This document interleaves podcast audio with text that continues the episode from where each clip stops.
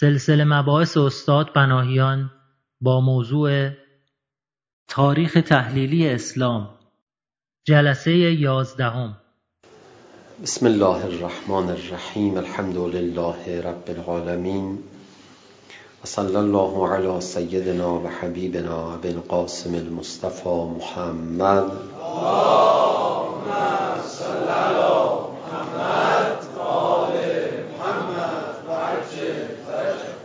وآله الطيبين الطاهرين المعصومين سيما الحجة بقية الله الأعظم روحي وأرواح العالمين له الفداء اللعن الدائم على أعدائهم أجمعين إلى قيام يوم الدين رب اشرح لي صدري ويسر لي أمري واحلل عقدة من لسانی یفقه قولی خب ما در این جلسات در هر جلسه یکی از موضوعات قابل بحث در باب تاریخ اسلام رو به میان میکشیم و درباره اون با هم گفتگو میکنیم. به این صورت یک بحث تهدیدی درباره تاریخ اسلام داریم نه اینکه تاریخ بخوایم بگیم با هم دیگه. ضمن تاریخ رو هم تا مقداری مرور میکنیم. علاوه بر این که تکیه داریم بر آگاهی های تاریخی دوستان. حالا در محرم الحرام در ماه عزای ابا عبدالله الحسین علیه السلام من به یکی از موضوعات دیگر تاریخی اشاره می کنم که هم ارتباط با زمانه ما داشته باشه هم محرم ما رو تأمین بکنه نیازش رو هم به صدر تاریخ اسلام برگردیم و اون موضوع این است که اساساً وجود مقدس اولیاء خدا در دین جایگاه بسیار کلیدی و محوری داره بسیار کلیدی تر و محوری تر از اونی که خیلی ها بخوان در کنار دینداریشون یا ضمن دینداریشون یک ابراز ارادتی به اولیاء خدا هم بکنن. گویی مقوله دین مقوله ارتباط ما با اولیاء خداست نه ارتباط ما با خود خداوند متعال. و این رو باید خیلی جدی گرفت. چگونه این حرف رو میشه توضیح داد؟ ببینید از روز اول که پیامبر گرامی اسلام مبعوث شدن خودشون محل امتحان بودن. نه اینکه ایشون بیان درباره پروردگار عالم از مردم امتحان بگیرن. میزان محبوبیت و مقبولیت شخص نبی مکرم اسلام است که محل امتحان افراده کافر و مؤمن درست میکنه خیلی ها سعی میکردن هنوزم سعی میکنن که رندانه این وسط ولی خدا رو حذف کنن دور بزنن برن سراغ خود خداوند متعال و این از روز اول وجود داشته الان ما با امتحان با محبت امام حسین امتحان میشیم الان هم غیر از محبت ابا عبدالله الحسین علیه السلام با محبت اولیاء خدا امتحان میشیم. ولی این قصه قصه زمانی ما نیست. از اول هم اینجور بوده تا آخر هم همینجور خواهد ماند. وقتی دارم میگم پروردگار عالم از این شما مفهوم از این مفهوم از این گزاره گذر بکنید و به مفاهیم دیگر هم برسید. اصل ماجرا اینه ما سر عدالت و انصاف آزمایش نمیشیم. ما بر سر اولیاء خداست که داریم آزمایش میشیم. این اصل امتحان ماست. اینجور نیستش که میخوان بفهمن میزان عدالت ما چقدره میزان عدالت گرایی ما چقدره. ما اصلی ترین امتحانمون با ولی خداست. اینجور نیستش که میخوان میزان ارادت ما به خدا رو بفهمن چقدره. اینجور نیست که میخوان بفهمن میزان ارادت ما به اخلاقیات چقدره. اینجور نیستش که اصل امتحان ما این باشه که میزان ارادت ما و مبادرت ما به عبادت چقدره. واقعا اینطور نیست. اصل امتحان که سلامت و عدم سلامت قلب انسان رو تعیین میکنه میزان ارادت ما به شخص ولی خداست. حالا در هر زمانی. و همین دلیل فرمود کسی که امام زمان خودشون نشناسه به او ارادت نورزه ما تمیتتن جاهلیه مرگ جاهلیت داره. یعنی اصلا هیچ چی اصلا انگار کل دین هیچ خبری نیست. الان یا در صحرای کربلا با امام حسین علیه السلام مردم امتحان شدن. ایشون رسما اومدن از مردم پرسیدن که مردم آیا من فرزند پیغمبر شما هستم یا نه؟ چرا اون مردم در بدترین شرایط عالم قرار گرفتن؟ نمیشه فقط گفت در تاریخ خودشون یا در تاریخ اسلام. چون ولی خدا رو باش اینجوری برخورد کردن. فرمود که من فرزند پیغمبر شما با شخص او امتحان شدم.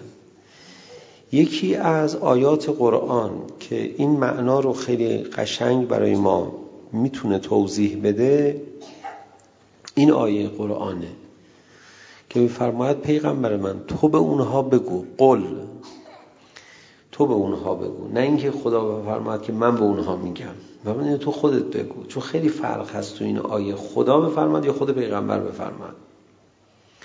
قل ان کنتم تحبون الله. بگو اگر خدا رو دوست دارید فتبعونی پس از من تبعیت بکنید. یحببکم الله. تا شما رو خداوند متعال دوست داشته باشه. یعنی حرف عجیبیه. نمی فرماید که قل ان کنتم تحبون الله فتبعوه اگر خدا رو دوست دارید از خدا اطاعت کنید. یحببکم الله. ما هیچ کاره ایم. اگر خدا رو دوست دارید برید خدا رو اطاعت کنید تا خدا هم شما رو دوست داشته باشه. ما پیغام آوردیم و بس. خدا حافظ ما کاری نداریم به رابطه شما با خدا.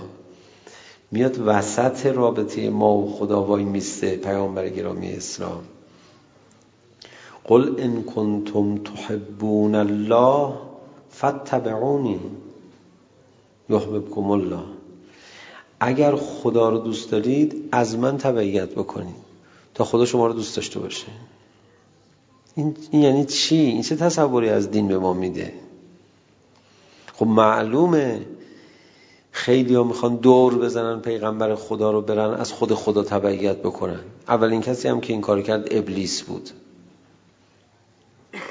چرا؟ یکمی کمی فکر کنین در موردش. من گاهی از اوقات فکر میکنم که این بچه شیعه ها مثل آب ماهی که در آب هست قدر آب رو نمیدونن. یعنی آب کو؟ بچه ماهی به مادرش میگفت این آب کجاست که میگن از آب در بیایم بیرون؟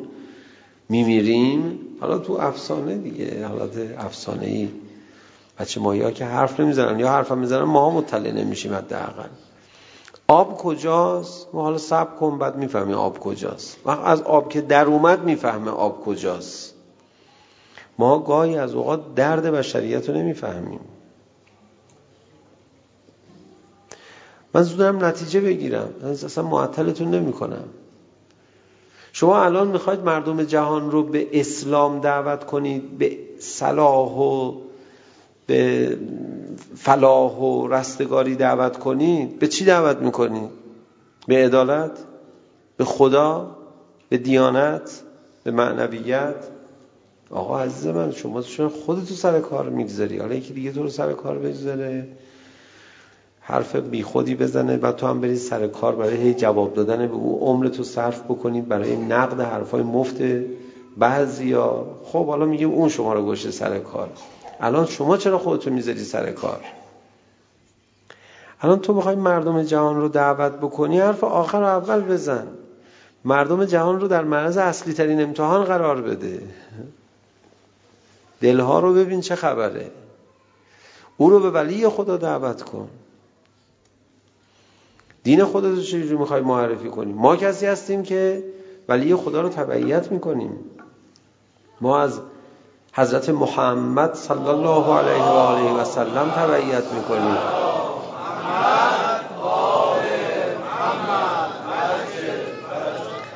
اگر دین تو دینی است مسیحی دین تو دینی است مثلا عیسوی یا موسوی دین تو دین حالا ابراهیمی دین ما دین مربوط هست به آخرین پیامبر ما از او تبعیت میکنیم ما مرید او هستیم صحرای مشهد هم همینطور میشه دقیقا یعنی آدم ها رو محشور میکنن پشت سر امامانشون آقا شما امامت که آقا بگو دینت چیه بگو عقایدت چیه بگو عملت چیه امامت چیه اول بگو هویت تو با امامت امامت رو مشخص میشه هویت هر کسی روز قیامت با امامشه. عنوان صحیفت المؤمن حب علی ابن ابی طالب. این روی جلد صحیفه اعمالش محبت علی ابن ابی طالب علیه السلام نقش خورده. دین یعنی چی؟ حالا دین رو شما توضیح بدید. من دیگه حرف نمیزنم. بفرمید شما. دین یعنی هویت از کی میکنی؟ کی رئیس توست؟ این که میفرماد امامت اصل اسلام است اساس اسلام است امام رضا علیه السلام میفرماد یعنی چی یعنی اینکه شما دین داشته باش ضمن یکی از نکات بسیار مهم ارادت ورزیدن به اولیاء خداست نه این نیست این نیست ضمن یکی از نکات مهم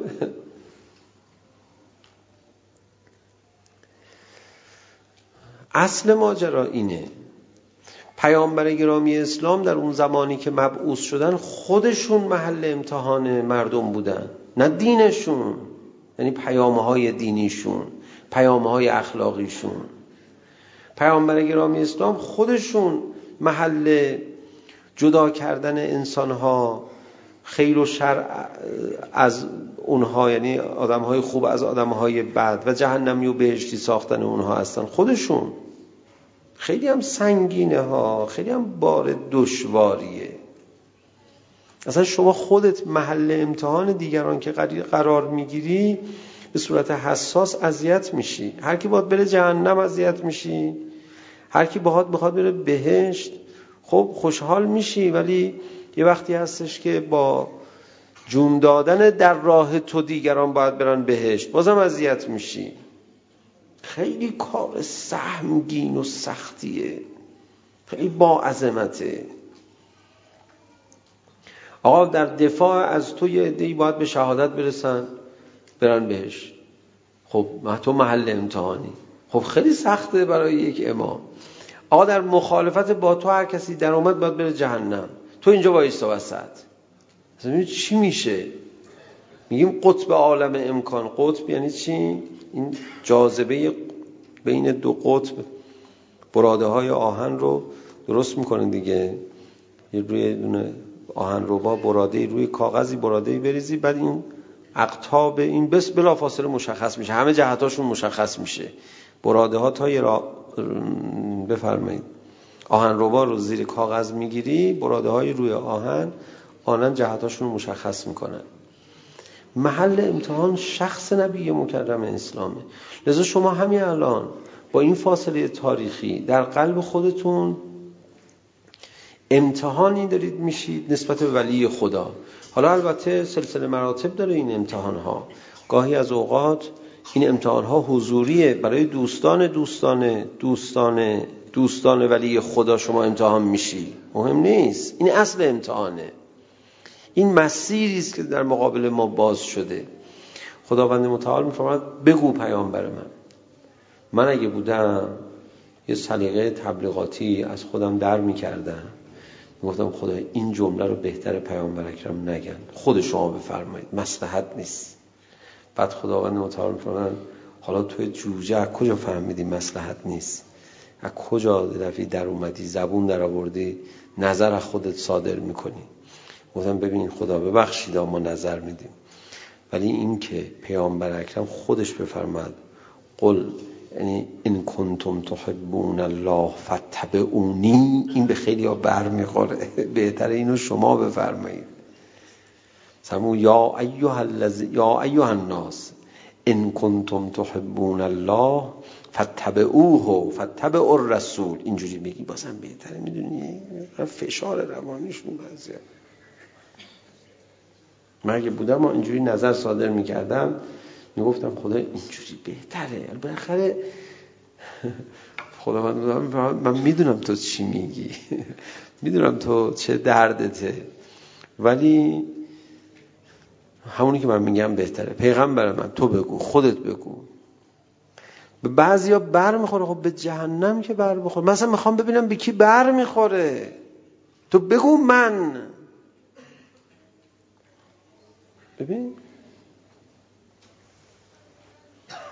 قل إن كنتم تحبون الله فاتبعوني يحببكم الله گاهی از اوقات امیرالمومنین علی علیه السلام مأمور از خودش تعریف بکنه آقا از خودش تعریف بکنه آدم چیز میشه ها یعنی یه کمی ممکنه بشه به جهنم که بر میخوره به کی بر میخوره به هر کی بر میخوره به جهنم بر میخوره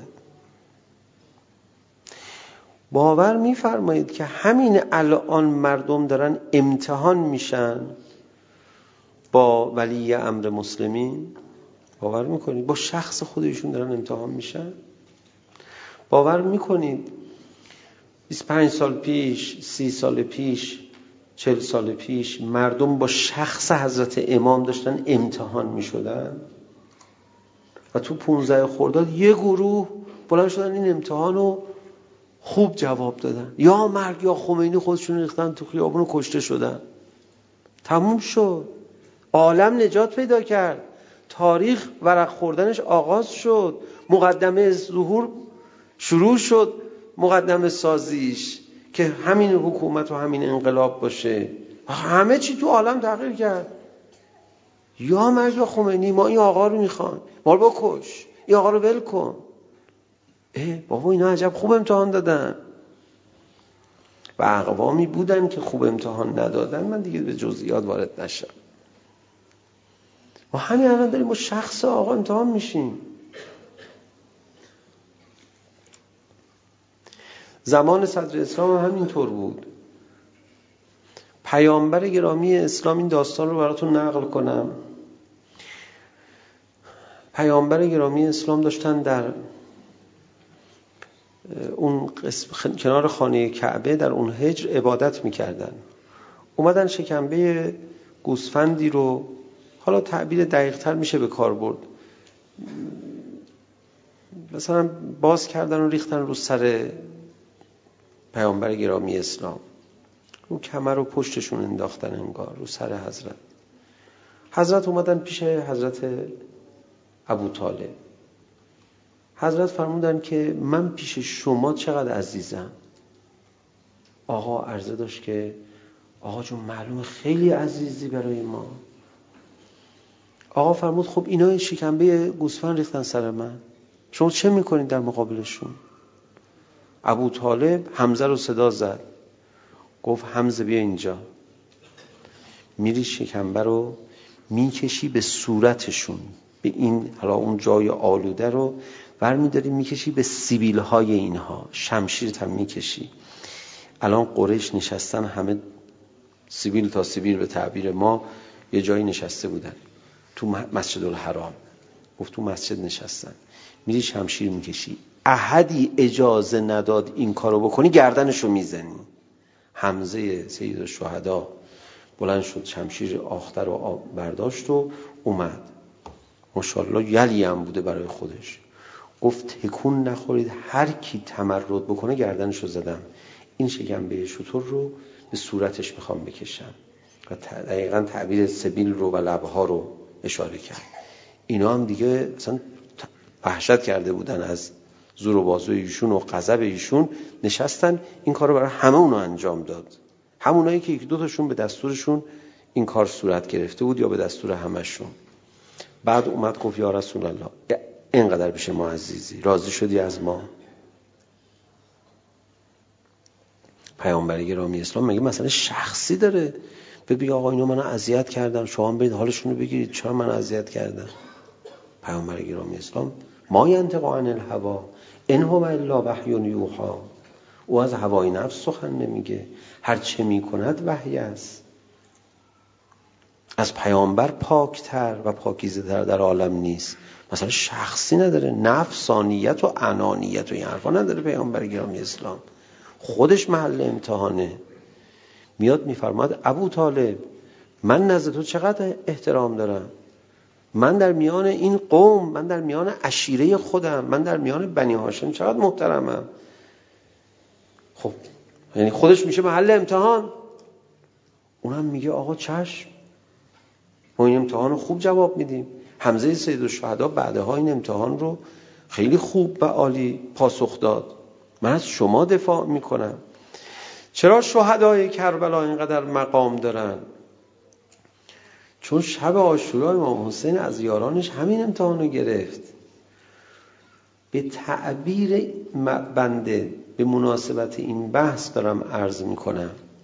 شب عاشورا فرمود اگر به خاطر مقوله های مثل دین خدا منهای ولی خدا. اومدید اینجا. خب دیگه بنبست راه بسته است و کار از پیش نمیره. بانشید برید. اگر بناس من دین شما رو به شما توضیح بدم دیگه شما تکلیفی ندارید. بانشید برید. اینا منو فردا میکشن بود و نبودتون هم فرقی نمیکنه. برگشتن گفتن یا ابا عبدالله. ما بعد از تو نفس بکشیم. ما اصلا میخوایم برای تو کشته بشیم. شما رو میخوام به شهادت برسونیم. ما نمیخوایم بعد تو زنده بمونیم. ما نمیتونیم تحمل کنیم. دفاع ما فایده ای نداره. ابی نداره. ما میگیم جونمون فدای آقا شد. آقا این دین خالص و خلصی است که در عالم وجود داره. فتمعونی این اون دین نابی است که تو عالم وجود داره. روز آشورا خودشو نشون داد؟ امام. همه اون بحثا برای اینه. عبادت خدا برای اینه که تو به اینجا برسی.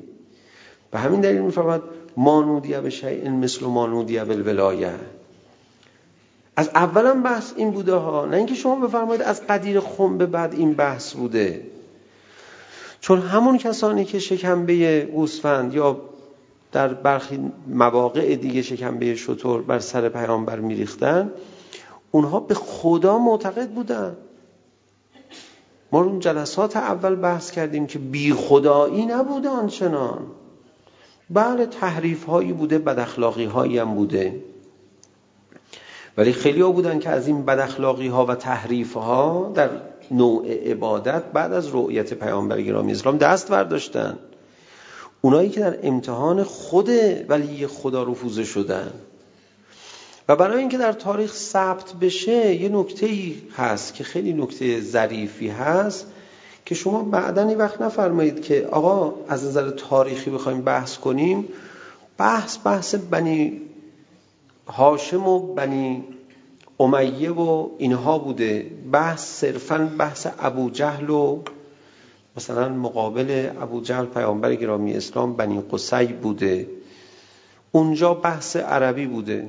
خب نه بخوایم میگیم بحث های قومی قبیلگی. ابو ابولهب چی؟ ابو ابولهب چی کار میکرده این وسط؟ عموی پیامبر. اون تنها کسی است که اینجوری نام برده میشه. نفرین میشه صریحا تو قرآن کریم. بحث امتحان با این شخص با فامیل بازی هم کسی از امتحان نجات پیدا نکرد. شما نمیتونی بگی حمزه پیامبر گرامی حمزه عموی پیامبر گرامی اسلام ایشون از طرف فامیل بازی اومد پس اون یکی از طرف فامیل بازی نیومد. خب اونم فامیل بود. چرا اینجوری نکردن اونا؟ یکی امتحان میشه کفرش در میاد یکی امتحان میشه ایمانش ثابت میشه. خدای ما رو در امتحانات نسبت به ولی خدا رو سفید بگردم. نمیدونم کجای وجود آدمه. من بذار بگردم میرم میتونم با دستم لمسش بکنم. مثلا شما میتونید قلب روح خودتون رو لمس کنید. ببینید که کجای قلب انسانه که محل امتحان احترام ولی خداست. اونجا درست کار نکنه کارت زاره. اصل دینت به هم خورده. نمیدونم کجای قلب انسانه که اگر اونجا در امتحان ولی خدا احساس خوبی پیدا کرد اون معلوم میشه که تو اصل کار درست فرعش هم انشالله درست میکنن دستگیری میکنن. بعضیا خیلی بیمزن. وقتی که به محرم میرسن نمیدونم من میخوام بگم اینا کسانی هستن که به این پله برقی ها دیدید میگذارن. به پله برقی ها که میرسن که میخواد ببردش بالا سوار میشه شروع میکنه این وری اومدن. خب چرا می پایین؟ تو تا قیامتم بیا که چیکار داری میکنی؟ این پله برای که برو با... بری بالا پس چرا اومدی بالا این پله؟ آدم های معوجی هن دیگه. سر و تهشون جا به جاست اصلا نمیدونم سر و تهن میاد تو محرم میگه ما برای امام حسین محرم پاسداشت امام حسین نیست پاسداشت عدالت است ای بابا تو هم مثل که بیکاری ها یعنی اصل امتحان رو سرش رسیدی دور بخوای بزنی پاسداشت مظلومیت است زدیت با ظلم است ما کاری با امام حسین نداریم و ببخش بس محرم چرا اومدی خب شما زیقده بیا امام حسین سر سفره آماده اینا رو جمع کرده؟ اگه کسی دیگه دارن تشکر میکنن. امام حسین اینا رو گرده سر سفره آماده؟ این عظمت و اتحاد و نورانیت و معنویت و شور و ایج... شعور رو ایجاد کرده. سر سفره بلند میشه میگه السلام علیک یا عدالت. آقا آقا این ور نشستنشون اسمشون حسین است. عدالت نیست سفره مال امام حسینه. برو سر سفره عدالت به صاحب خونش احترام بگذار.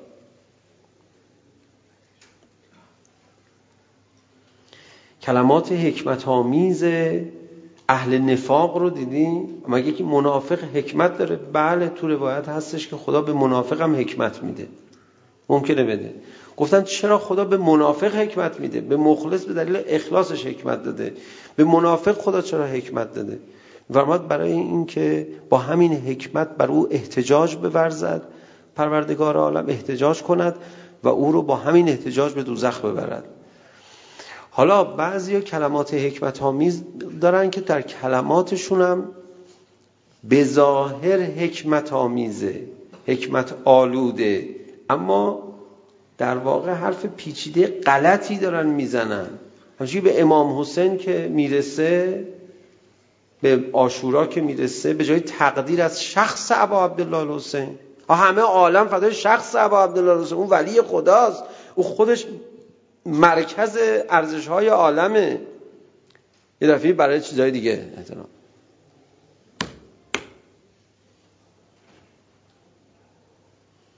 حالا نمیتونه توضیح بده. شما میتونید توضیح بدین؟ من نمیتونم توضیح بدین شما میتونید توضیح بدین؟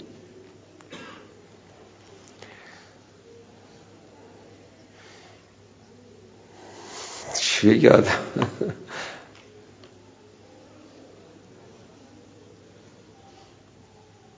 حالا مثلا علکی اینو جای نقل نکنید بین خودتون باشه بررسیش بکنید وسط ظهر عاشورا دسته عزاداری رو علمو گرفته ازش آقا الان وقت نماز میخواد بزنه علمو سر عزادار امام حسین هم برای نماز کشته شد قاطی داری میکنی ها.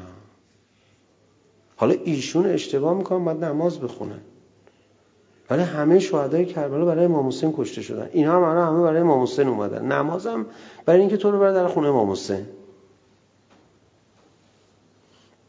آقا بعد مگه ظهر عاشورا آدم دیگران رو برای نماز دعوت کن نه عزیزم درسته. درسته. ولی یه دقیقه یه دقیقه من نگاه کن. بعضی ها هستن اصلا با امام حسین آشورا کاری ندارن. میگه آخ جون آشورا یه جوری میشه مردم نماز بخونن. بهش نگاه میکنی هیچ احساسی نسبت به امام حسین آشورا نداره. بعدش هم میگه چی؟ میگه که ما که الحمدلله اصلا نماز خون بودیم. اصلا آشورا نیاز نداشتیم من که نماز خون بشیم. ما هر جا تو خیابون میکشیدیم نماز میخوندیم. حالا این عوام بندگان خدا اینا رو امام حسین برشته آورده دیگه. الله خوب کرده امام حسین آورده. تازه رسیدن به ما. غلط این. نماز رو میخواد امام حسینش رو حذف میکنه. میگه حالا خوبه امام حسین هم بعضی رو بیاره نماز خون بکنه. شما چی؟ شما خودتون نیاز ندارید. نه ما حالا ما خودمون اصلا اند نماز خونه عالم مثلا امام حسین نباشه نباشه. مثلا ما خودمون کلا نماز میخونیم. کلا همینجوری بعد اون تشهد میگی بعد به کی صلوات میفرستی نه کلا صلوات نمیخواد بفرستیم این صلوات کار عوامه مثلا واسه کل نمازی مثلا ما خوشا آنان که دائم در نمازن دیدی ندیدی منو ببین ما اصلا خب ببین ابلیس هم همین جور بود اون دائم در نماز بود به ولی خدا که رسید دور زد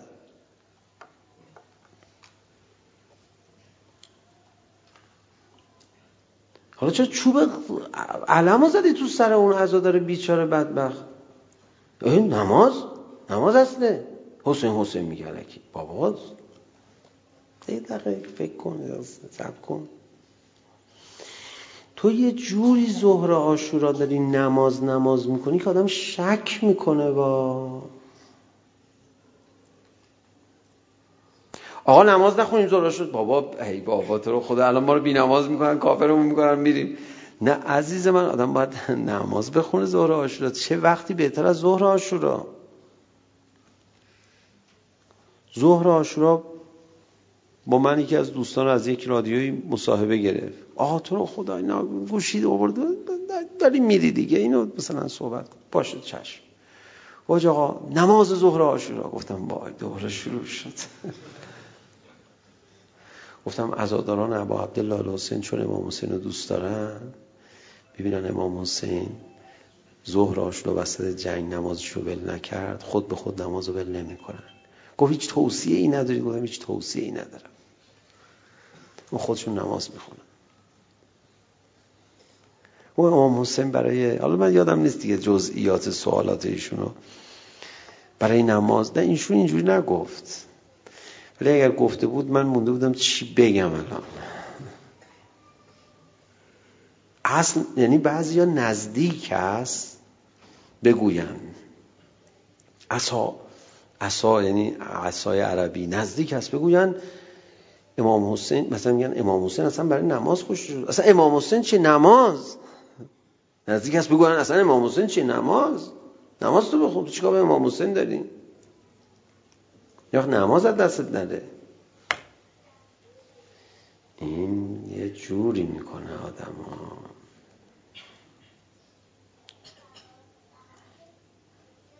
چی بگه آدم؟ یه کمی پیچیده است اوضاع عالم پیچیده است اصلا کلا اوضاع عالم پیچیده است بله دیگه اینجوریه دیگه تاریخ اسلام مملو از یه همچین مطالبیه روزی که پیامبر گرامی اسلام مبعوث شد انتظار داشت اینا همه متدین بشن. آقا چرا متدین نشن؟ هیچی آقا جون یا رسول الله پا...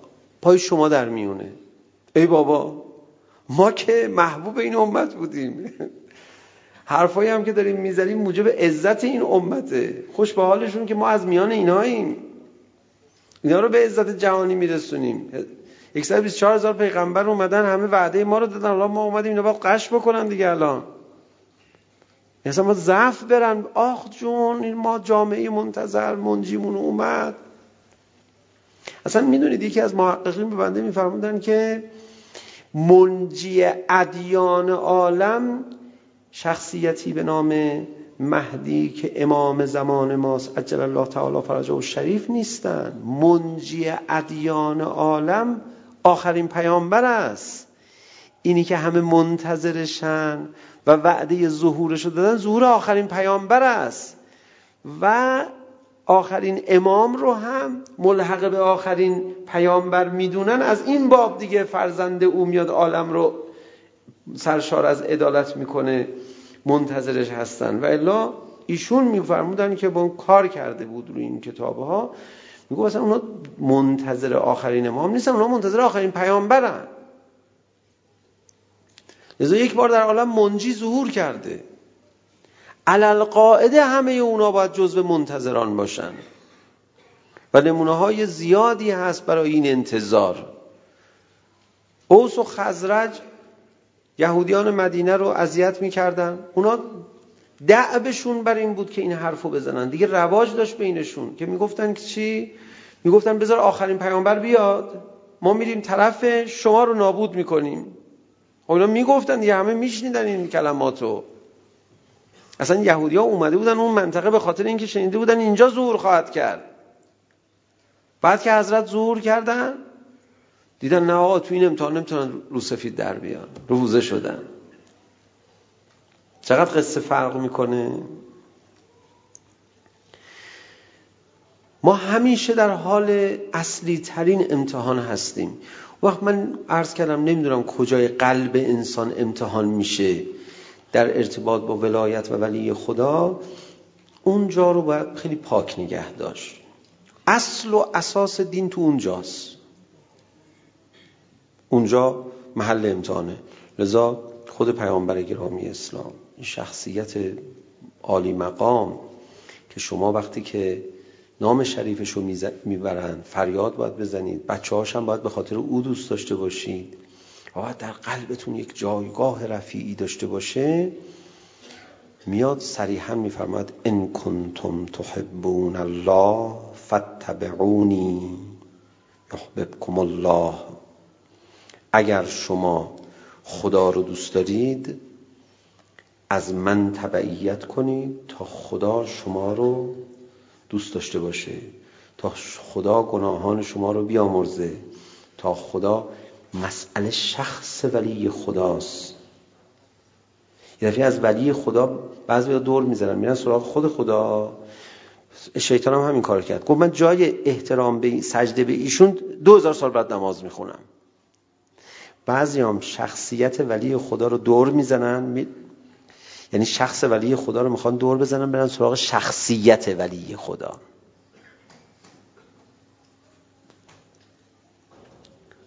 دیگه تیز هستی دیگه. شما من بعد کلماتو شنیدی ببین بوی سلامت میده یا نه؟ میگه ما شخص پرست نیستیم. خب بله ما هم شخص پرست نیستیم. ما اگر ارادتی داریم به حضرت زهرا سلام الله علیها خب برای چیه؟ نبرم این که ایشون دختر پیغمبره اه؟ برای چیه؟ برای او کمالات ایشون هست. اصلا هر کی این کمالات رو داشته باشد. اصلا ما کمالات رو دوست داریم. ایشون چیکار داریم؟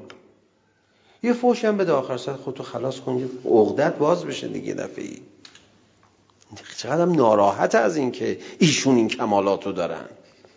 ایشون فقط همون کمالات رو دوست دارن بپرستن. یه کمی هم ناراحتن که ایشون چرا این کمالات رو دارن. متوجه میشید منظور منو؟ یوم تبل السرائر این چیزا رو از دل رود مردم در میارن بیرون. مردم از دل رود روحشون. مردم تازه خودشون میفهمن که بابا این کار نبودن. تو از کی کمالات پرست شدی؟ ما که شخص پرست نیستیم ما احترام به شخص ولی خدا داریم میگذاریم. ولی تو از کی کمالات پرست شدی؟ مثل اینکه به ابلیس بگیم تو از کی خدا پرست شدی؟ آدم رو بخوای دور بزنی میری سراغ خدا پرستی. خدا شاهده یه دفعی یا یه دفعی آدم احساس میکنه بعضیا عبادت خدا رو بیشتر از ولی خدا احترام قائلن. یه جوری که میخوان ولی خدا رو دور بزنن. این یه جوری که رو داشته باشین. آقا تو رو خدا من دین و عقایدمو که دست ندادم که خدا مهمتره یا پیامبر خدا؟ خب برای خدا مهمتره. به خدا خدا مهمتره. درسته؟ پیامبر خدا اومده ما رو به سمت خدا ببره. بله. چه جوری یعنی چی بگو؟ دوباره بگو به من. اینو چه جوری گفتی؟ پیامبر خدا اومده ما رو به سمت خدا ببره. پس اصل خداست. این یعنی چی؟ اینی که گفتی یعنی چی؟ مال اینجاست. ببین عزیز من منظورت چیه؟ یعنی این که اگه منظورت اینه که پیامبر خدا اومده منو به سمت خدا ببره منم که پیش خدا هستم الان. پس بی خیال پیغمبر خدا؟ اگه منظورت اینه این خیلی کلاشیه.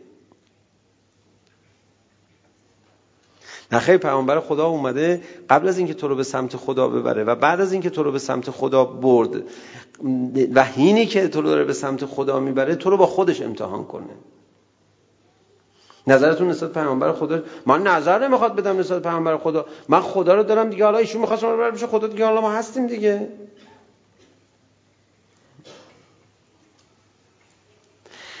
آقا ایشون مگه طبیب نیستن؟ برن بیمارا رو مداوا کنن ما که خودمون الحمدلله سالمیم. اینها بیا به نماز بخونن الله اکبر. چه قلیزم میگه. الله اکبر. این همون دور زدن ولی خداست. دوستان من تو بعضی از آدم‌ها اینا رو حس می‌کنید زیرپوستی نفرین نمی‌کنه به ولی خداها. پاش بیفته احترامم میگذاره ها. ولی دلش داره همش دور میزنه ولی خدا رو. گاهی از اوقات ته دلش آرزو میکنه. کاش این وسط مقوله‌ای به نام ولی خدا نبود اصلا.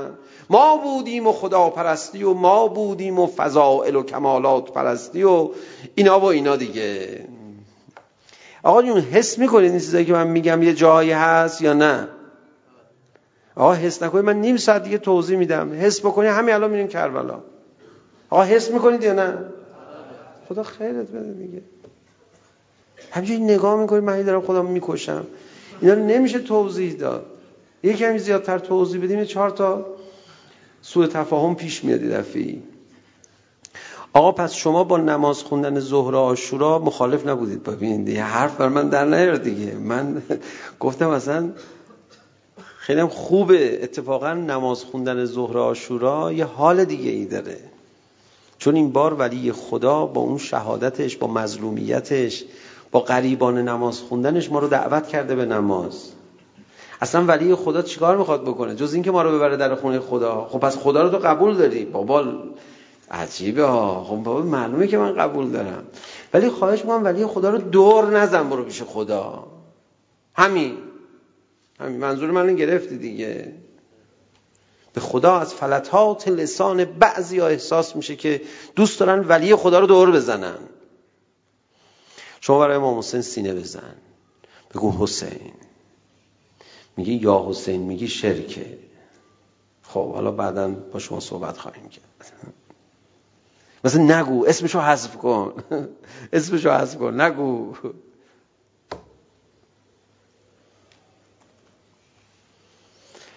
از من پرسید چرا اینا میگن یا حسین گفتم شما بابا تو صدا نمیزنی هیچ وقت گفت چرا گفتم چی مثلا یا بابا دیگه حالا اون یا محذوف میشه یا حرف نداش چیز دیگه میشه گفت آدم نمیتونه ایشون از آخر دنیا رفته گفتم خب ایشون زنده هستن صدای ما رو که میشنون ما صداشون میزنیم شهدا زنده هستن.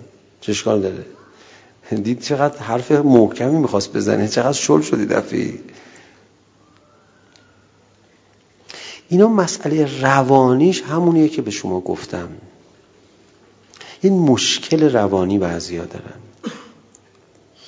بعضیا رو میرن وهابی میکنن. طرف میاد حرم حضرت موسی بن جعفر علیه السلام. آب میشه اصلا. تا قبل از اون قوی ترین صحبت ها رو الان تشیع میکرده. اومد کنار مزار امام موسی بن جعفر علیه السلام. میگه اصلا آتیش گرفتم. آقا این آقا کی اینجا به خاک سپرده شده؟ منو کشت. اینو من چرا ندیده بودم من نزدیک؟ برم حرمای دیگه ببینم چه جوری میشه. حالا تو کربلا هم نرفتی. شد آقای تیجانی. کتابشو بخون. ثم مهدد تو آنگاه هدایت شدم آدم پاکتینتیه ولی یه خدا رو میبینه آب میشه حالا ما بگو شما گوش نکن بگو چشم بگو چشم گوش نمیکنم بگو چشم من این دقیقه دلم چی نشه بگو چشم آه حالا من هی بگو تو گوش نکن به یه گروهی از دوستان گفتم آقا تو این کارهای اینترنتی هستید عکس آقا رو منتشر کنید دست همه اهل عالم برسونید آقامون دیگه هستن یه آقای ما داریم عکسی دارن اینا چطور خوشت میاد ما آقا رو دوست داریم تو چی کار به بقیهش داری او مردم آدم هم. دل دارن چی کار چیکار بقیهش داری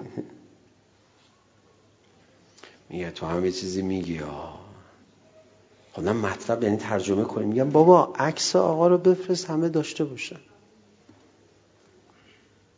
حالا من میگم شما هم گوش نده چشم گوش نمیده من چقدر فنی پیشنهاد دادم تو رو خدا قبول داری؟ ولی خدا دل میبره دیگه دل با صفا رو میبره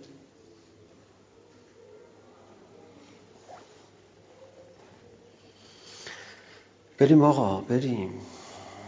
آقا عبا عبدالله الحسین علیه نه خودش محل امتحان بود. سر متحرش هم بر روی نیزه محل امتحان بود. اومد رد بشه از کنار اون راهب مسیحی. یه دفعه برگشت گفت آقای نمیدونم کی میشه این سر یه شب مهمان من باشه؟ هر چی برت بخواد بهت میده. چی کار داری اینو؟ گفت میدونی که من مسیحی هم میخوام یه شب این سر مهمان من باشه تو چیکار داری؟ قبول کرد ازش. این سر رو آورد با احترام هی نگاه میکنه به این سر هی آتیش میگیره. و آقا من شما رو نمیشناسم. اما شما چرا اینقدر دل بری؟ خب وقتی این سر متحر دل یک مسیحی رو ببره. اسمش دل بچه شیعه رو نبره. اسمش نبره. میبره خب. دل ما رو بردی ببر حسین. ببر. ما دلمون با تو امتحان شده.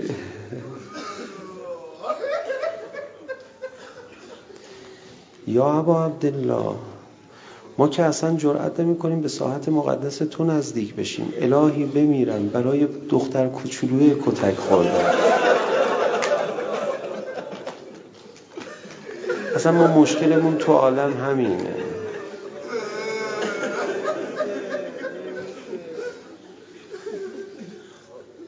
رفته از کنار حرم حضرت رقیه پیام میده. میگه فلانی نمیدونی اینجا چه صفایی پیدا کرده. من قبلا هم اومده بودم حرم. میگه اصلا انگار حضرت رقیه زنده شده اینجا تو خرابه. حرم حضرت زینب. اصلا اینجوری نبود به خدا قسم. تازه تازه انگار این جوونا دارن حضرت زینب رو میشناسن. میگن نحنو عباس و که یا زینب. یه قلقله‌ای داره به پا تازه تازه داره به پا میشه. ما با حسین امتحان بشیم که میمیریم. ما طاقت نمیاریم با زینبش امتحان بشیم. یه جمله بگم یه داد بزنی برم. خدایا ما رو با هر کی امتحان میکنی امتحان کن. ولی با تازیان خوردن زینب امتحان نکن. با اصابت گلوله و حرم زینب امتحان نکن. با دوباره آتش گرفتن خیمه زینب امتحان نکن. الله لعنت الله لعنت بیان معنوی نقطه آی آی